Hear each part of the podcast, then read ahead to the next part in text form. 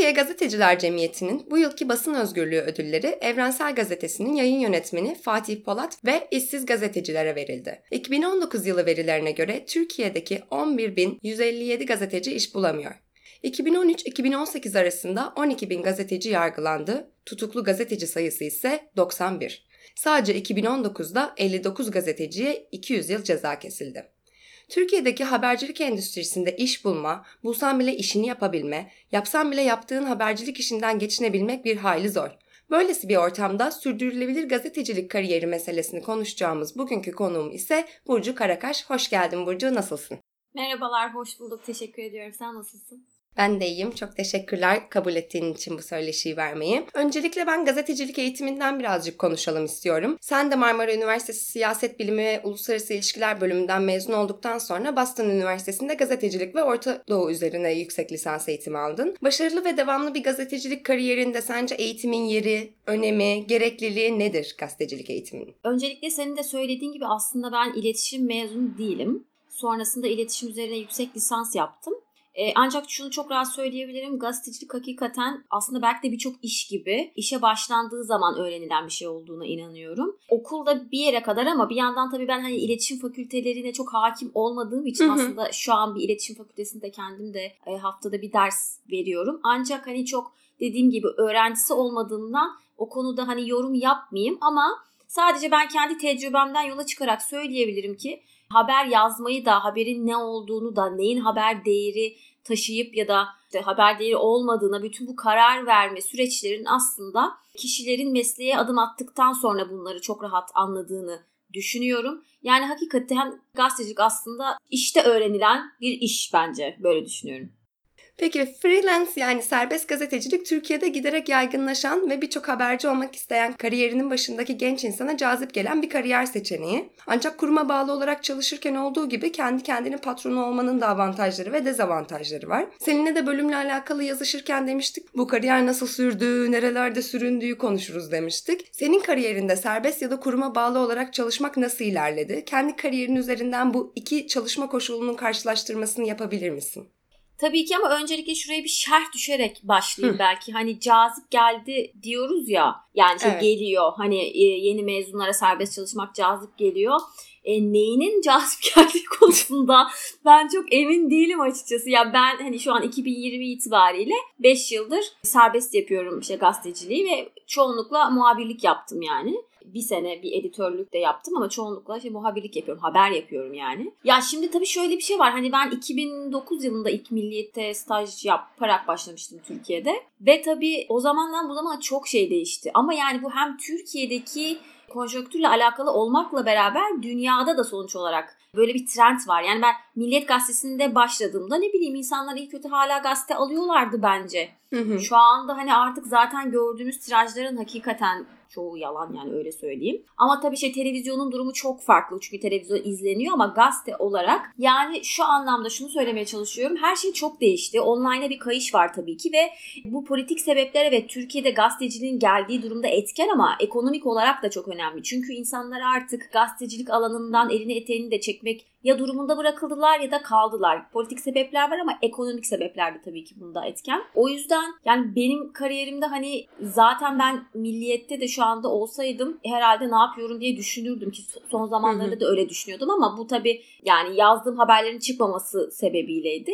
Artık her şey çok değişiyor. Yani medium dediğim şey hani aslında araç değişiyor ama sonuç olarak haber iletme yani haber yapma sahikinin değişmediğini düşünüyorum. Ama bu tabii ki şu geldiğimiz noktada mesela bana hep şöyle anlatıyorlardı işte ben 2010 yılında başladığımda Milliyet Gazetesi'nde işte sen bilmezsin işte bundan atıyorum 15 yıl önce bizim istihbarat kadromuzda 35 muhabir vardı diye anlatırlar işte meslek büyüklerim. Çünkü o zaman işte ne bileyim işte belediyeye bakan biri ayrıca var, X kuruma bakan ayrıca biri var muhabir ya uzman muhabir diye bir bir kavram vardı. Şu anda da yok değil ama hani en azından kurumsal yerler için söylüyorum sayı çok azaltıldı. E şimdi siz serbest olarak mesleğe başlayan biri için bence mentorluk çok önemli. Yani ben hani milliyeti şu an beğenirsiniz şey beğenmezsiniz ya da o zaman da benim eleştirdiğim şeyleri vardı ama ben işi orada öğrendim. Ve işi de e, öyle, bir yerde öğrendiğim için kendimi şanslı buluyorum. Şu anda kaç kişinin böyle bir imkanı var bilmiyorum. Hani şu anda millete gitseniz benim tanıdığım evet arkadaşlarım ama çok azlar ve bambaşka şeye evrildi o yerler yani. Hani o yüzden de bence şu an yeni başlayan arkadaşların en büyük şanssızlığı ilk başta söylediğim şey iş işte öğrenilir diyorum ya ama işi işte öğrenmek için işi size öğretecek birilerinin olması lazım. Bence bu çok büyük bir eksiklik. Ya bir editörün size işte Hazal'cım, Burcu'cum ya bu haberi yazmışsın ama bu haberin spotu böyle olmamış. Bunu böyle çünkü bana böyle öğrettiler. Hı hı. Ve ben bir buçuk senenin sonunda kendime şey dediğimi hatırlıyorum. Herhalde ben artık bu haber yazma işini becerdim diye. Bak düşünebiliyor musun? Öncesinde de iletişim alanında master yaptım. Onun bir önemi yok yani. O yüzden bence hani o usta çırak ilişkisinin olmaması çok önemli bir etken ama bir yandan da ben böyle bazen konuştuğum zaman kendimi geri kafalıyım acaba diye düşünüyorum. Hani ya artık eski tarz bir gazetecilik yok bir kere. Bunu kabul etmemiz lazım. Yani hani öyle gazetelerde o yüzlerce onlarca kişinin çalışacağı ya da neyse televizyonlar tabii ki hani hala çok etkili ama orada çalışan kadro da sonuç olarak küçültülüyor. Yani hani o yüzden böyle eskisi gibi bir, bir medya ortamı hani yok. Böyle bir haber odası dediğimiz, newsroom dediğimiz falan hani bunlar artık çok. Bu, ne bileyim işte Guardian'da da böyle. Sadece Türkiye özelinde bakarsak hani bence şey yaparız yani sonuçta biz dünyada hep beraber yaşıyoruz ve basın her yerde şey oluyor. Ama hani biraz aslında kendimizi belki adapte etmemiz gerekiyor, gerekti ve Burada biraz yol üzerinde şöyle şeyler oldu. Eski tip gazeteciliğe alışanlar yeniye kendisini adapte edemediler. Edememekte zorlandılar haklı olarak. Ya bu şeye benziyor. Biz tarihinde baş, işe başlayan bir göz doktoru zamanında lazer ameliyatı yoktu değil mi? E sonrasında lazer ameliyatını öğrenen bir adım öne geçti. E, evet. E şimdi bu bizim için de böyle. Yani sen video kurgusu biliyorsan artık insanlar daha çok video izlediği için ya da en azından böyle bir algı ya da böyle bir şey böyle bir trend olduğu için otomatikman sen mesela CV'ni göndersen de orada tırnak içinde bir işe yaramıyor gibi gözüküyorsun. Az önce verdiğim örnek bence çok güzel. Yani anlatabildim çünkü bu teknolojik şeylere hani alışmak vesaire. Ya birincisi bizim kadrolar benim zamanımda göre çok hani azaldı. İşsiz gazetecilerin zaten sayısının artması bu. Ve tabii bunun sebebi de az önce söylediğim gibi teknolojik gelişmelere artık her kurumun bununla ilgili bir şeyler araması sebebiyle ayak uydurulamaması bazı arkadaşlarımız tarafından, işte meslek büyüklerimiz tarafından ya da benden büyükler tarafından ben de bunda zorlandım. Mesela ben yazılı basından gelen biriyim. Ben ne anlarım video haberden yani. Deutsche Welle Türkçe'de mesela ben de buna başladım. Ve ben hala kurgu yapmıyorum bu arada. Yani ne bileyim işte kamerayı kullansam belki hani kullanırım tabii ki. Hani o kadar da kafam çalışmıyor değil ama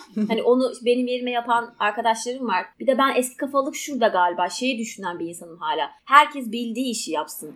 Burada ama hani bir kişiden artık beş tane iş bekleniyor aynı anda. O yüzden ben geri kafalıyım o konuda. Bunda bir şey demiyorum ya da alışamadım belki. Ben şöyle, şöyle yapıyorum video haberi. Konu buluyorum, kişileri buluyorum. Çekim sırasında işte röportajı ben yapıyorum. Sonra haberin kurgusunu, örgüsünü ben hazırlıyorum. Hı hı. Hangi şeyler alınacak röportajda. O kısımlarını ben yapıyorum. Sonrasında kurgu kısmını başka bir arkadaş yapıyor. Ama buna bile ben kolay adapte olmadım açıkçası. Hı hı. Bu söylediğim çok teknolojik hani aslında normalde yine yazdığım bir şey. Bu bile hani şey değil o yüzden kolay olmuyor. Bu tarz durumlar tabii etkiliyor haliyle gazetecilik sektörünü. Çok normal. Peki bu iki karşılaştırmayı yaptığımızda yani serbest gazeteciyle bir kuruma bağlı olarak çalışan gazeteci de güvencesizlik durumuyla alakalı neler söyleyebilirsin? Şimdi Hazal'cığım az önce okuduğum 140 Junos'un kurucularından Engin Bey'in verdiği röportaja istinaden. Şimdi bizim kendisinin orada söylediği maddeler biz de gazeteciler olarak salak olmadığımız için zaten tartıştığımız konular. Herkes her şeyin farkında. Şuna ben de katılıyorum. Yani tabii ki de insan kendini adapte ederse bir şekilde yeni ortama ayak uydurursa,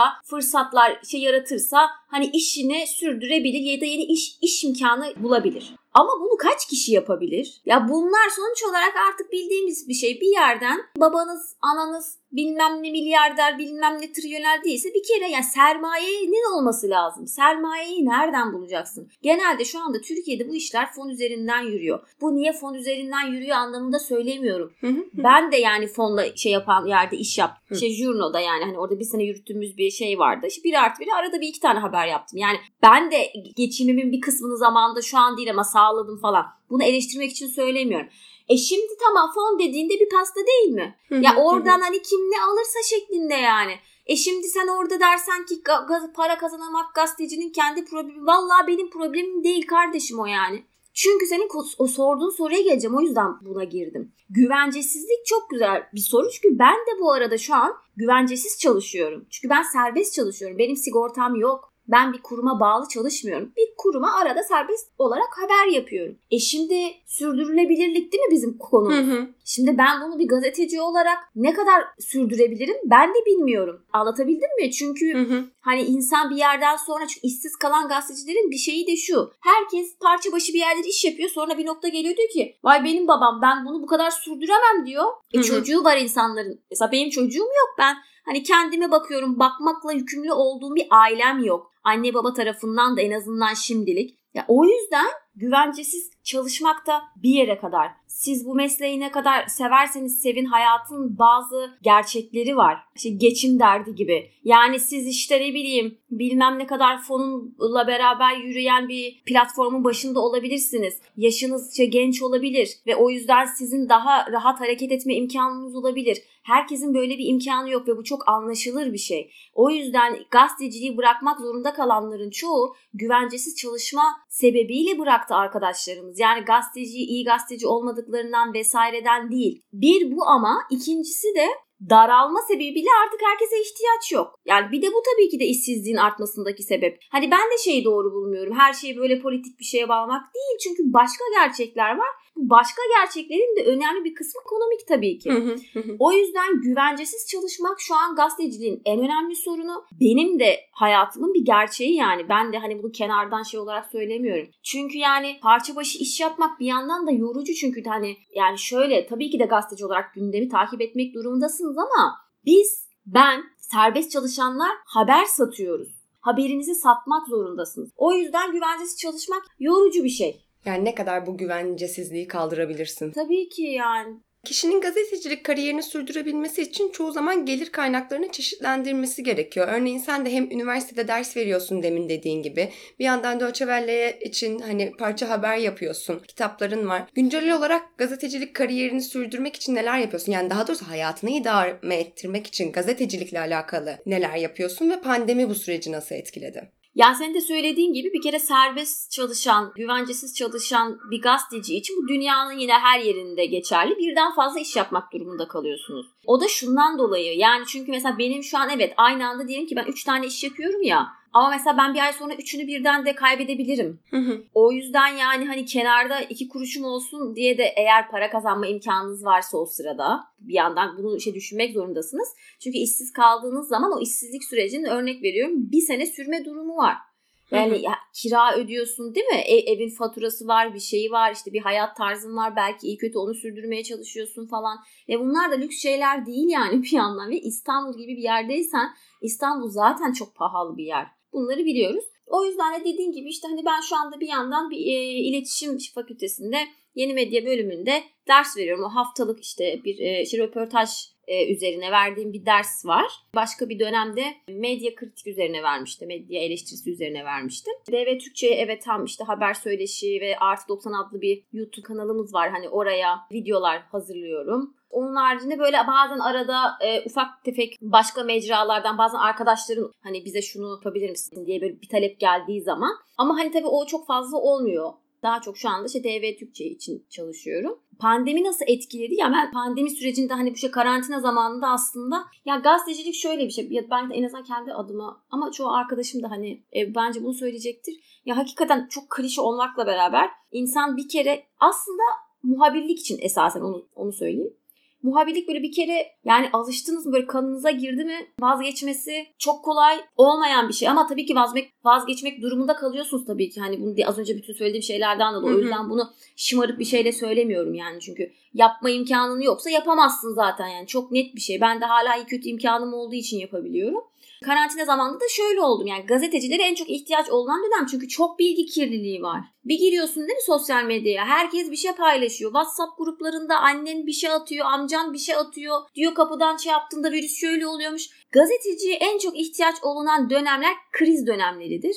Ve pandemi benim de gazeteci olarak gördüğüm en büyük krizdi yani. Ve birçok insan için de böyle çünkü pandemi ne yani hayatımda görmemişim hani. O yüzden öyle zamanlarda bir sorumluluk hissediyorsun. Böyle yani kriz zamanlarında bir sorumluluk hissediyorsun. Ben bunu hep hissettim. Bu sorumluluk sebebiyle de karantina zamanı benim için üretken geçti. Yani işte ne bileyim Güney Amerika'da mesela, Ekvator'da mesela işte insanların ne yazık ki cenazelerini evden aldıramadıkları bir dönem oldu. Mesela dedim ki Ekvator'dan acaba biriyle konuşabilir miyim oradaki durumu anlatsın diye. Arayınca buluyorsun. Aradım buldum hakikaten. Ekvatorlu bir gazeteciyle Skype üzerinden böyle bir işi röportaj yapmıştık. Bir artı bir de çıktı. Yani hani onun çünkü orada mesela bir de tabii bu teknolojinin verdiği imkanla artık yani eski pandemi zamanlarında öyle bir şey yok. Dünyanın her yerinden bilgi alabildiğin için sonuç olarak hem Türkiye'de hem de dünyada bu kriz döneminde ne yaşandığını sorumluluk duyarak işte okuyucuyla, izleyiciyle paylaşma ihtiyacı hissettim. O yüzden karantina dönemi benim için aslında verimli geçti diyebilirim. Anladım. Teşekkür ederim. Peki gazeteciliğe başlarken aklında bu var mıydı bilmiyorum ama bir kamuoyu figürü haline geldi. Yani Burcu Karakaş habercilik endüstrisinde önemli bir isim, önemli bir gazeteci. Bu isim olmuş olmanın senin kariyerinin sürdürülebilirliğini, artıları ve eksileri neler oluyor? Hani teşekkür ediyorum. Bilmiyorum. Hay seni ben sen o şeyi de hani söylediğin zaman da düşünüyorum bir yandan. Ya bence biraz şey de oluyor aslında. Mesela biz sosyal medyada kendi küçük dünyamızda yaşıyoruz birazcık da. Yani hani beni evet gazeteci olarak bilen biliyor olabilir ama hani daha çok sonuç olarak şöyle düşün. Hani ben online mecrada haberleri çıkan biriyim şu an için. Tabii ki de online mecralar takip edilir ama şöyle örnek vereyim. Hani Halk TV'ye çıkan insanları halkımız çok daha fazla tanıyor tabii ki. Hani o yüzden ben orada ne kadar kamuoyu figürüyüm. Hani ondan çok emin olan bilmiyorum yani öyle bir iddiam da yok bu arada yani şey gerek yok hani işte gazetecinin öyle bir iddiası yok ama anlıyorum tabii ki ne dediğini.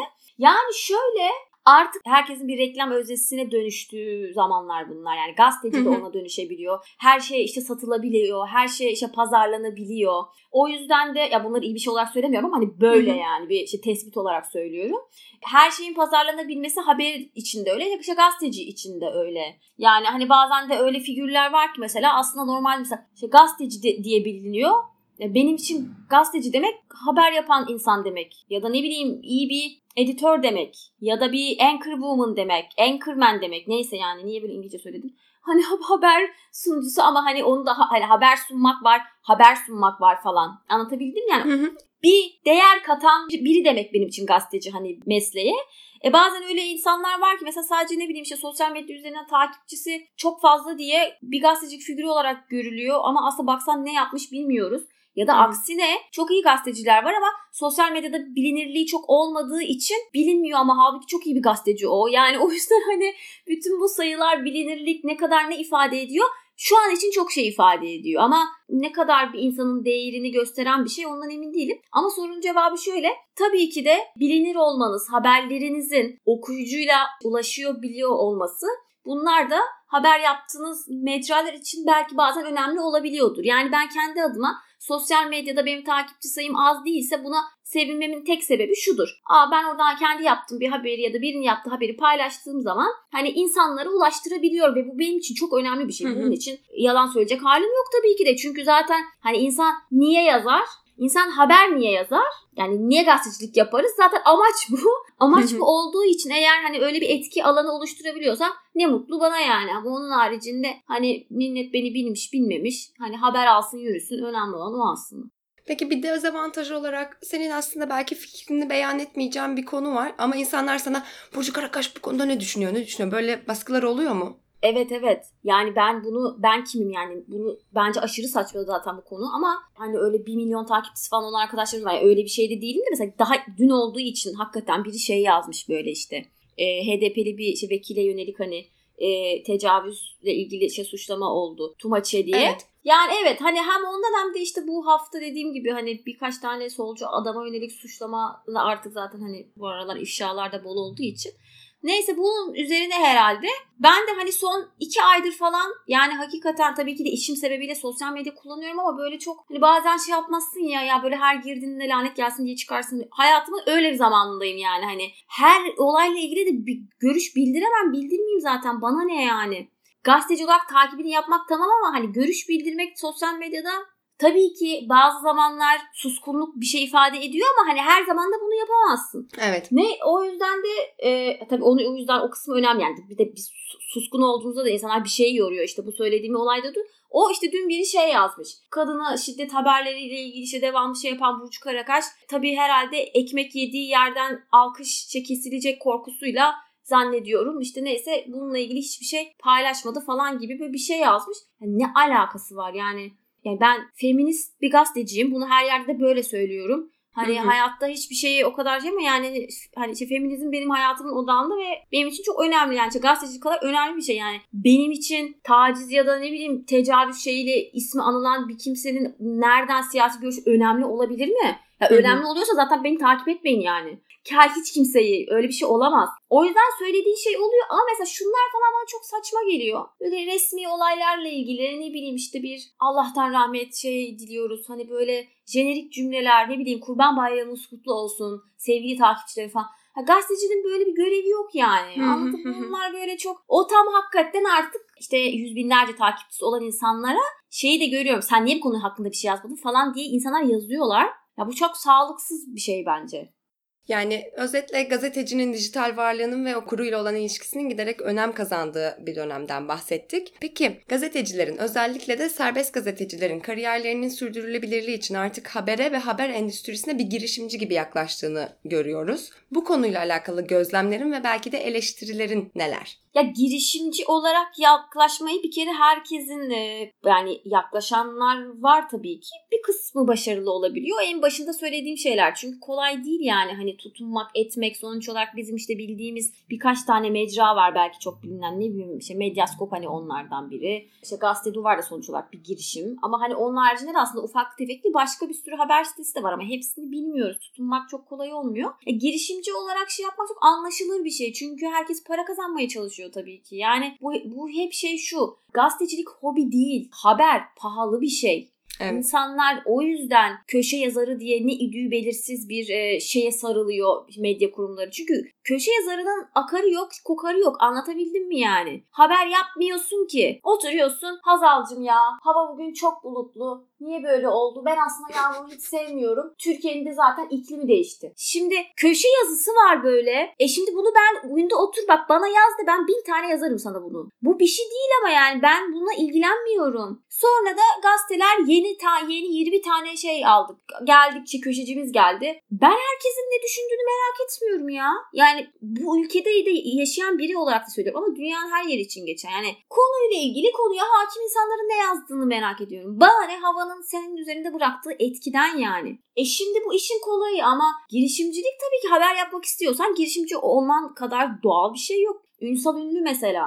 Değil mi? Hani Ünsal'ın da yaptığı sonuç olarak gündemi çünkü şu hani analiz etmek de ya da bir insan hani okuyucuya bir sürü bilgi kirli içinde bugünün gündemi bu demek de gazeteciliktir zaten. O yüzden evet. de Ünsal Bey'in yaptığı gazetecilik zaten. Hani illa otur kendisi özel haber yapmak zorunda değil. Öyle anlaşılmasın. Hani sadece sadece işte muhabirler gazeteci tabii ki öyle bir şey demiyorum. Yani o başka ama buna ihtiyaç var. Çünkü siz bugün ortamında e, sosyal medya, internete düşen bir insan olarak her yerde bir sürü şey görüyorsunuz. Ama neyin önemli olduğunu, neyin gündem olduğunu vermek bu önemli ve bu da gazetecilik ve bununla ilgili işte kişisel girişimler de var mesela. Onun dışında başka arkadaşlar da var. Hani işte Patreon hesabı üzerinden sonuç olarak hani bana çok anlaşılır geliyor. Çünkü dediğim gibi hobi değil. Gazetecilik hobi değil. Bu bizim işimiz yani. Sen nasıl ki doktora gittiğin zaman ya doktor hanım ya gözüme bir bak da ben sana para vermeyeyim demiyorsan e, o zaman yani hani e, bana da aslında öyle demesen keşke ama hani işte sonuç olarak hani Türkiye'de ne yazık ki yani bununla ilgili tartışmalar var. İşte okuyucunun da bizi maddi olarak desteklemesi. Kimse aslında mangalda kül bırakmaz bu konu hakkında açıldığında basın özgürlüğü ama kimse işte ayda 10 lira da vermez anlıyorum bir yandan herkesin işe geçim derdi var. Ben bunu da anlıyorum. Buna da bir şey diyemiyorum. 10 lira insanlar için az bir şey değil yani ya da 5 lira anlatabildim mi? Biz şeyde yaşamıyoruz. İsviçre'de değiliz yani. Ülkenin durumu ortada. O yüzden zor işler yani. Evet. Ama girişimcilik çok anlaşılır bir şey tabii ki. Biz sonuçta iş yapıyoruz ve bunu işe dökmek isteyen insanlar tabii ki de yapsınlar. Keşke çoğalsa ve keşke daha fazla mecra olsa. Peki konuyla alakalı yani gazetecinin ürettiği haberle alakalı e, uzmanlaşmanın önemi konuşuluyor. E, çalıştığı alanla alakalı. Senin gazetecinin ihtisaslaşmasının gerekliliğiyle alakalı görüşlerin neler? Bak geçen gün Gonca Tokyo'la Gonca'ya Doğu'nun verdiği röportaj var. Doğu Eroğlu. Hı hı, ben evet. O oradaki röportajın ismini Burcu Karakaç diye değiştir. Ha, onu koyun. Yani ve uzundur okuduğum en güzel söyleşilerden biri. Zaten Doğu'yu da ben çok kendisini şey severim. Uzaktan da akrabam canım. Ondan sonra yani Doğu'nun söylediği her şeyi noktasını virgülünü çıkarmadan aynen öyle katılıyorum. O kadar evet. güzel konuşmuş ki çok doğru söylüyor yani. Şimdi uzmanlaşma tabii ki önemli. Çünkü şunu herkes yapamasa bile yapabilir. Diyelim ki ya X, X olay oldu değil mi? Deseler ki ilk 3 tane uzmanı ara konuyla ilgili şey görüş al. Bu işte demeç e, işte gazeteciliği dediğimiz hani uzman görüşü. Bu da önemsiz anlamda söylemiyorum. Çünkü bazen de haberi öyle bir yaparsın ki gündem olursun. Yani gidersin öyle bir uzmandan öyle bir şey alırsın ki değil mi? Mesela şey olmuştu. Özlem Akarsu Çelik'in bir pilotla yaptığı bir röportaj vardı. Uzman görüşüydü o da yani. Bu e, Atatürk Havalimanı'nı kapandıktan sonra İstanbul Havalimanı ile ilgili örneğin. Ya hakikaten böyle nokta atışı uzman bulup görüş aldığın zaman falan o anlamda şey değil ama onun dışında 3 uzmandan görüş al, haber yaz. Bunu herkes yapabilir. Ama şimdi habercilik biraz bu biraz da değil. Çünkü bence Türkiye'de eksik olan şey şu. Biz ben kendimi de şey yaparak yani şöyle bir şeye alan açılmıyor. Uzun zamandır bunu düşünüyorum. Haberi yani sen bir şeyleri araştıracaksın ve birileri sana bunu araştır dediği için değil. Senin araştırdığın şeyden haber çıkması. Anlatabildim mi? Onun ismini sen vereceksin. Onun ismini sen koyacaksın. Biri sana bu konuyu araştır de, diye değil. Ama o yani şunu demek istiyorum. Sen mesela Kur'an kurslarıyla ilgili bir şey araştırdın ve sonra gördün ki Kur'an kurslarında denetim yok. Tamam mı? Hı hı. Denetim olmadığı için aslında istismarın istismar vakaların arttığını mesela. Ama bu tespiti yapmak için önce bunun araştırmasını yapman lazım. Hani giderim Kur'an kurslarındaki ya şu hani ön veriyle Kur'an kursları zaten çok kötü.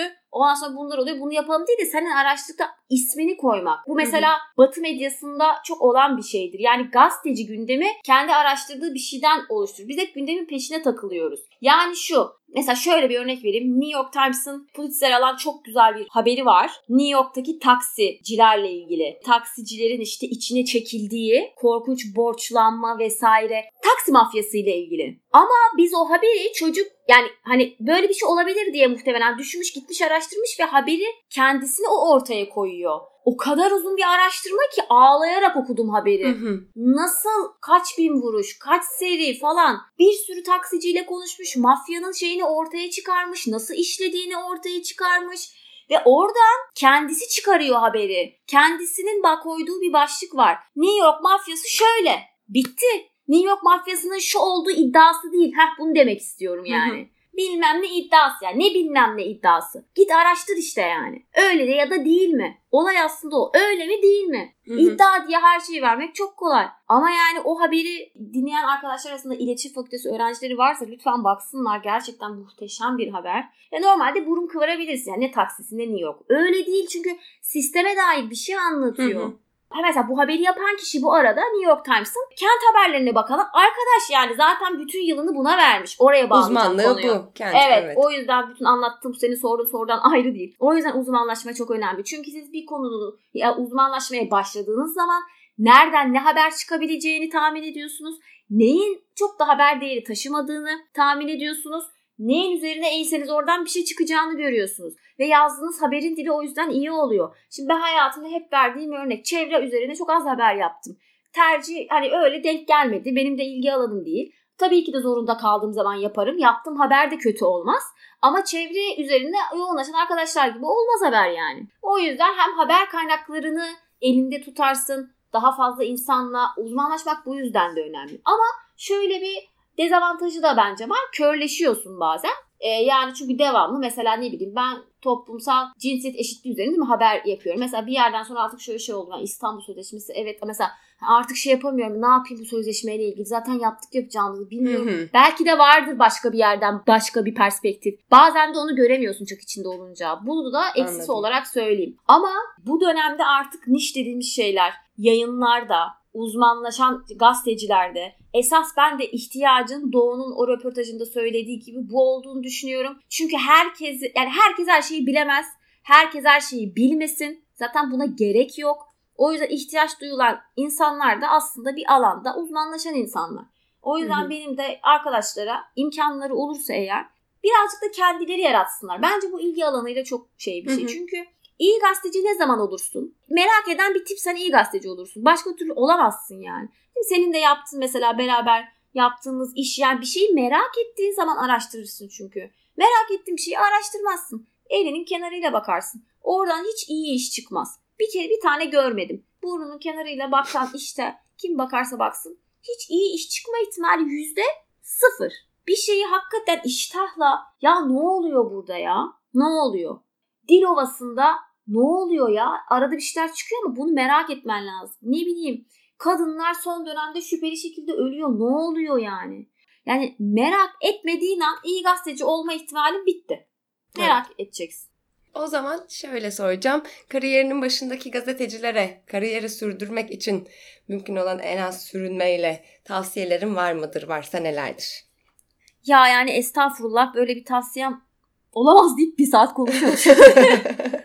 yani zor şu an yani. Ben hani bir hani öyle dışarıdan bakınca işte atıyorum Burcu Karakaş işte Doğu Eroğlu ya da ne bileyim ben işte başka arkadaşlar hani haber yapıyorlar tutunuyorlar falan. Yani öyle dışarıdan göründüğü gibi kolay değil tabii ki de yani. Bizim de gün içinde yaşadığımız bir sürü sıkıntı oluyor haliyle. Ya da hayal kırıklığına uğratan ya da yani vesaire falan. Hani tutulması zor şu dönemde. Artık böyle inada biniyor. İn, inattan yapıyoruz herhalde. Onu düşünüyorum. Ya ben de sonuçta şey düşünmediğim zamanlar olmadı değil tabii ki. Ya bırakayım artık başka bir şey alanda başka bir şey yapayım. Ama o kadar içim el vermiyor ki o yüzden sürdürüyorum. Ama yani bir gün hani o noktaya gelirsem belki bırakırım ama hiç bırakmak istemem yani gazeteciliği. Çünkü hayatta en sevdiğim tek şey. Yani bunu böyle anneme falan da böyle söylüyorum yani. Hayatta en çok gazeteciliği seviyorum. Anlatabildim mi? Ve o yüzden ve sevdin mi çok zor bırakması. Her şeyi sevdin mi zor. Yani sevgilini de sevdiğin zaman bırakması zor. Sevgilin gibi bir şey yani aslında gazetecilik hakikaten.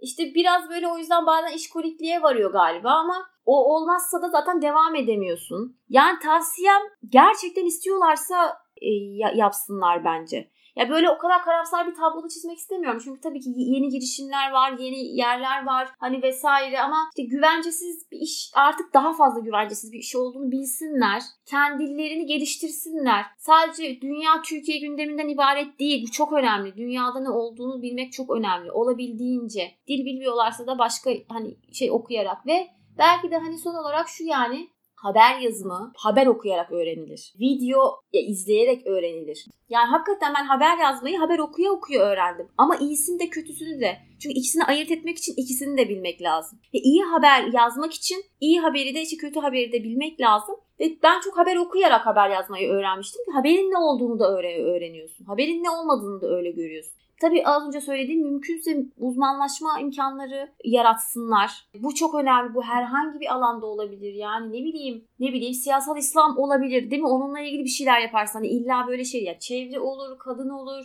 LGBT artı hareketi olur, işte ekonomi olur, işsizlik olur, göç olur. Türkiye gibi bir ülkede göç konusu çok önemli. Mülteciler olur yani e, çok önemli. Yani hani a, insanların aklına gelecek biri olmak önemli bir şey. Ama bunu söylerken de şundan dolayı çok üzülüyorum. Ya herkes de böyle olmak zorunda değil. Ne alaka yani? Anlatabildim mi kendi çeliştiğim şeyi de. Çelişmek değil çünkü herkesten böyle bir şey beklemek de bir yandan çok işte kapitalist bir şey yani. Anlatabildim mi? Sistemin aradığı eleman ol diyorum ben sana aslında. Ya bu çok hoş bir şey değil yani. Ama geldiğimiz noktada öyle ne yazık ki diye şu an üzüldüm söylediğim şey. Evet ama bir yandan mesela Doğu röportajında şey diyordu. Asıl uzmanlaşmadığın zaman çok daha yer değiştirilebilir. Yani sistemin çok daha rahat harcayabileceği hmm. bir şey oluyorsun. Yani aslında sisteme göre Tabii tabii. Gardını almak gibi tabii. de yaklaşabiliriz bu uzmanlaşma meselesine. O bir de neyde var biliyor musun? Bak o bir de şunda var. Bunu çok net gördüm. Tabii ki de genç olduğunuz zaman mobilite yani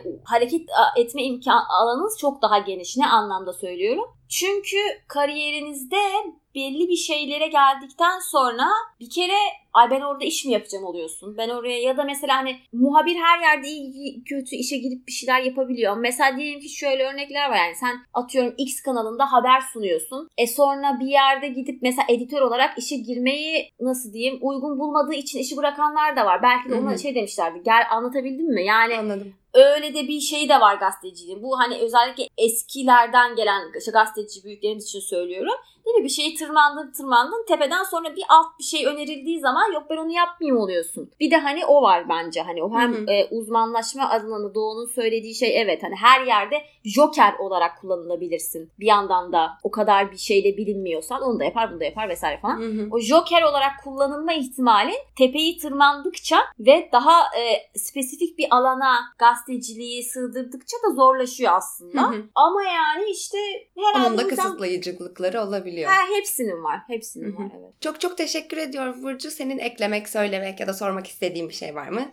Ben de çok teşekkür ediyorum. Ya bu sürdürülebilir gazetecilik konusunun çok önemli olduğunu düşünüyorum. O yüzden çıkan her şeyi de hakikaten ben de okuyorum. Öncelik elinize sağlık. Çünkü merak ediyorum. Ha, bilmediğim bir şey varsa öğreneyim. Çünkü hiçbir hepimiz her şeyi de- bilmiyoruz. Yani dediğim gibi yok öyle bir şey. O yüzden çok önemli bir konu. Sadece sürdürülebilir gazeteciliğin Türkiye'de ne kadar sürdürülebilir olacağı konusunda çok hani açıkçası umut umut dolu değilim yani. Keşke olsam böyle dediğim için de üzülüyorum bu arada. Bu tabii ki de Hı hı. mutlu olduğum bir şey değil. Ama konu önemli ve bunun tartışılmaya açılması önemli ve haberi okuyan izleyiciye, okuyucuya bak bu benim işim ama senin de buna ihtiyacın var mesajını vermek önemli. Çünkü gazetecilik sadece yapanlar için değil yani kamuoyu için de çok önemli. Dünyanın her Hı hı. yerinde böyle. Yani şunu da söyleyip bitireyim. Trump'ın Amerika'da seçildikten sonra New York Times ya da Washington Post gibi gazetelerin abone sayısının artması tesadüf değil. Evet. Çünkü insanlar haber okumak ve bunun ihtiyacını bu fake news'tu bilmem neydi post-truth'tu. Bu çağda e, güvenilir şeyler okumak istiyor. Çok anlaşılır. Evet. Keşke biz de bundan aslında örnek alabilsek ama tabii ki durumlar çok farklı. Yani e, ülkeler çok farklı, ekonomik durumlar farklı. Ama işte sonuç olarak enseyi çok da karartmamak lazım herhalde. Evet. Bu Reuters'ın 2020 dijital haber raporunda da giderek daha fazla insanın habere para ödemeye gönüllü olmaya başladığını söylüyordu zaten diyeyim. Ben de o şekilde bitireyim. Çok teşekkürler tekrardan. Ben çok teşekkür ederim. Dinleyenlere de teşekkür ederim. Bir sonraki bölümde buluşmak dileğiyle.